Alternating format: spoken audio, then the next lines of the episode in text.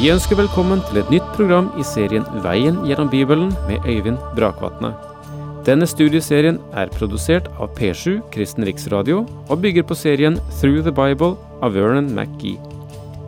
I dag fortsetter vi med gjennomgangen av Lukas evangelium.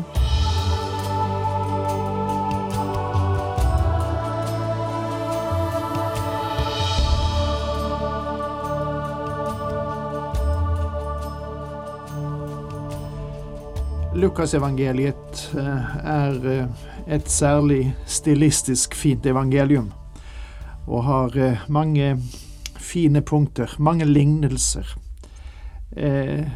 Mange fine detaljer omkring det som foregikk i Jesu liv, og i beskrivelse av personer som, som Lukas trekker frem men det er også beskrivelser av de store dyp og av de store vanskeligheter, slik som i de øvrige evangeliene. Og eh, det vi har gått igjennom til nå, er eh, Jesu fristelse i Lukasevangeliets fjerde kapittel. Vi har brukt et par ganger på det, og er nå kommet igjennom. Og jeg synes at det er eh, strålende å legge merke til, og tro styrkende, at Jesus holdt i prøvens stund, og at det beviser at han er den frelser som han har gitt seg ut for å være, og at han ikke gir etter for noen eller bestikkes av noen, men er den syndfrie renhet som en frelser, som skal være vår frelser, måtte være. Og i fristelsen i prøven står han frem i sannhet som Guds sønn. Men vi er altså kommet så langt i Lukas 4 at vi nå er kommet igjennom denne Jesu fristelse, og kommet til den, det, det avsnittet der Jesus vender tilbake igjen til Galilea og Nasaret, og der han også avvises i sin hjemby. Så egentlig ligger det mye tragedie i dette fjerde kapittel. Men la oss nå gå inn i Lukas 4, vers 14. For etter at Satan hadde fristet eh, den Herre Jesus Kristus, så ble Jesus styrket. Og da står det her Så dro Jesus tilbake til Galilea, fylt av Åndens kraft. Ryktet om ham spredte seg over hele området. Etter fristelsen dro Jesus videre, fylt av Den hellige ånds kraft. Fristelsen vil føre til den ene eller det andre for et menneske. Den vil enten styrke eller svekke vedkommende. Lidelse og prøving vil enten foredle eller forsure deg, bøye deg eller gjøre deg hard. Det er et gammelt ordtak som sier at den samme sol som smelter voksen, herder leiren. Det er karakteren i, eller forholdene i elementene og ikke i solen, som smelter voksen og herder leiren. Gud ville ikke forherde deg. Han forherdet ikke faraos hjerte. Farao hadde allerede et hårdt hjerte, og Gud gjorde det bare klart gjennom de prøvelser han sendte, at så var tilfellet. Vår Herre identifiserte seg med mennesket og Skriften bekrefter dette. Derfor måtte han i ett og alt bli sine brødre lik, så han kunne være en barmhjertig og trofast øversteprest i tjenesten for Gud og sone folkets synder. Hebreerne 2, vers 17.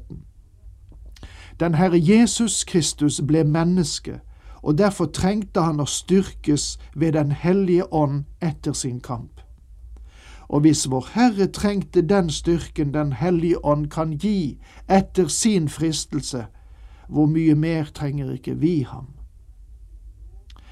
Han lærte folket i synagogene og fikk lovord av alle. Etter testen vendte Herren tilbake til Galilea og lærte i synagogene. Han fikk godt ord av folket, han ble lovprist og fikk anerkjennelse. Og dette verset lyder som et hyldningsdikt, men du vet at det er mulig å lovprise ham og fremdeles fornekte ham. Det er mulig å synge lovsang, men ikke ta hans fordringer alvorlig. Den samme folkemengde som sang Hosianna og ønsket å krone ham, sluttet seg neste dag til dem som ville korsfeste ham. En dag ble Herren opphøyet, og den neste dag ble han korsfestet. Nå kommer vi til en av de skjønneste hendelser som er gjengitt i Guds ord. Det er en sitrende historie som er full av glitrende lys. Den er spekket med mening. Det er oppmuntrende å betrakte, og slik forteller Lukas oss. Han kom til Nasaret, hvor han var vokst opp, og på sabbaten gikk han inn i synagogen som han pleide. Da han reiste seg for å lese av Skriften, rakte de ham profeten Jesajas' bok. Han åpnet bokrullen og fant det stedet der det står skrevet Herrens ånd er over meg, for han har salvet meg til å forkynne et gledesbudskap for fattige. Han har sendt meg for å kunngjøre at fanger skal få frihet og blinde få syne igjen, for å sette undertrykte fri og rope ut et nådens år fra Herren. Så rullet han bokrullen sammen, rakte den til tjeneren og satte seg. Alle i synagogen stirret spent på ham. Han begynte da med å si, I dag er dette skriftordet blitt oppfylt mens dere hørte på. Denne hendelsen er det bare Lukas som tar med, og den er så sterk og verdifull at vi ikke kan gå forbi den. Det sies oss her at etter fristelsen så vendte Herren tilbake til sin hjemby. Vanligvis så er en hjemby stolt av sine som er blitt berømte, og som det var vanlig for ham å gjøre på sabbaten, så gikk han til synagogen i Nasaret. Legg merke til at han aldri understøttet denne tvilsomme antagelse at du kan tilbe Gud i naturen like godt som du kan gjøre det samme med den tilbedende menighet. Jeg må tilstå at jeg blir litt trett av mennesker som til stadighet påstår det, men deres liv forteller noe annet. Selv om det kan være sant at man kan tilbe Gud i naturen så vel som i kirken, så står likevel spørsmålet tilbake. Når du tar skiene med deg på en tur en søndag, går du da for å tilbe Gud, eller drar du av gårde for å dra på ski? Og faktum står alltid tilbake, det er for å gå på ski. Når du går til kirken en søndag formiddag, går du dit for å tilbe Gud, og du går på ski for å gå på ski. Og det var en vane for Herren å gå til synagogen på sabbatsdagen. Synagogen var en av de viktigste religiøse institusjoner for jødene ved denne tid.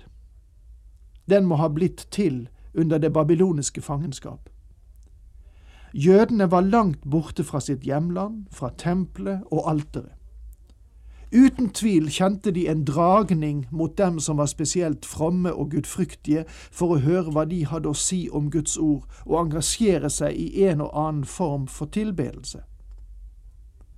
I Esekiel 14 vers 1 og 20 vers 1 sies det at de eldste samlet seg rundt Esekiel og at det kan ha vært en slik situasjon som vi senere finner det i synagogen. Etter disse årene i eksil, altså i landflyktighet, ble synagogen opprettholdt. Til å begynne med var den ment å begrenses til utlegning av Moseloven. Senere ble det også et sted for bønn og forkynnelse.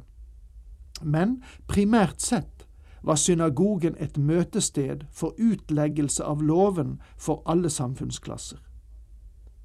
På Jesu tid var det synagoger i alle de større byene. Og med dette kan jeg da fylle inn en dag av de tause år i Kristi jordeliv. Jeg vet ikke mye om de øvrige seks dagene i uken, annet enn at han var tømmermann og arbeidet på de dagene. Men jeg vet at hver syvende dag gikk han til synagogen. Han gikk til det sted som var utsett for tilbedelse, og fordi han kunne avlegge sitt vitnesbyrd der. Nå har han kommet til sin hjemby for en tid, og går også da til synagogen. Han får overlevert boken og begynner å lese av den. Han leser fra Jesaja. På den tiden var Bibelen ikke delt inn i kapitler og vers. Men om den hadde vært, ville han ha lest Jesaja 61, vers 1 og 2. Det viktige å merke seg her var at han avbrøt lesningen. Han leste ikke, slik som det fortsettes, en dag med en gjengjeld og straff fra vår Gud.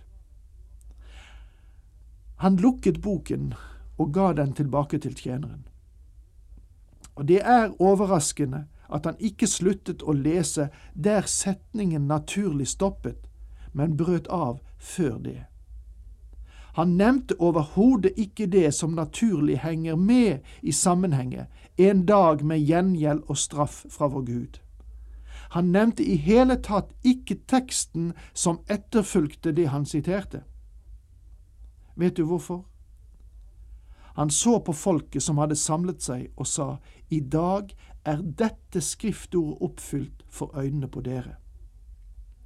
Her er altså et skriftord som skulle fullbyrdes frem til komma, men resten av sitatet ville ikke bli fullbyrdet før han kommer igjen annen gang. Gjengjeldelsens dag er ikke kommet. Hva er gjengjeldelsens dag? Mangt kan gå inn under den, men la meg si at det er den tid om hvilket Gud har sagt, Be meg, så gir jeg deg folkene til arv og hele jorden til eie. Salme 2, vers 8.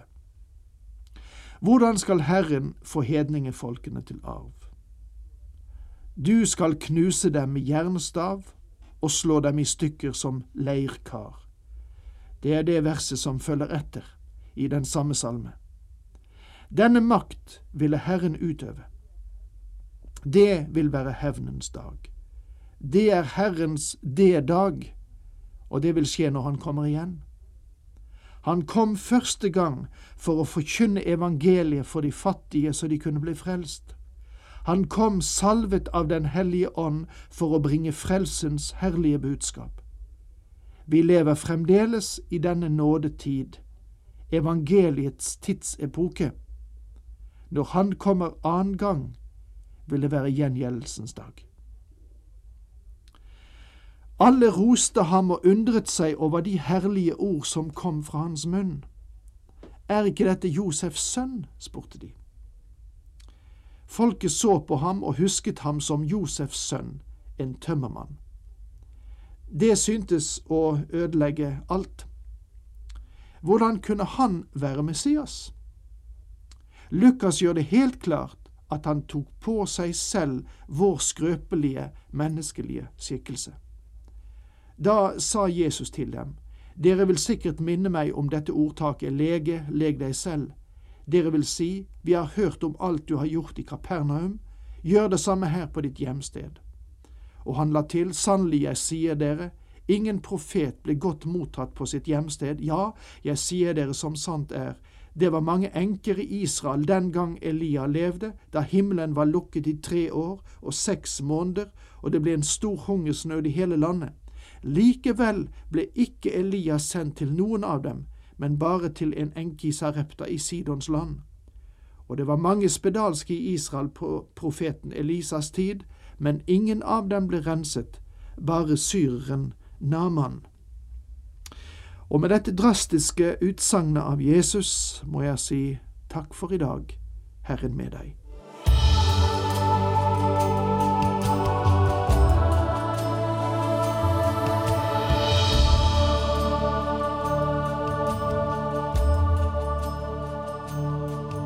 Du hørte Øyvind Brakvatne i studieserien Veien gjennom Bibelen.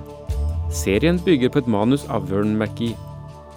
Har du spørsmål eller kommentarer til programmet, kan du sende en e-post til vgb krøllalfa p7.no. Takk for i dag, og på gjenhør.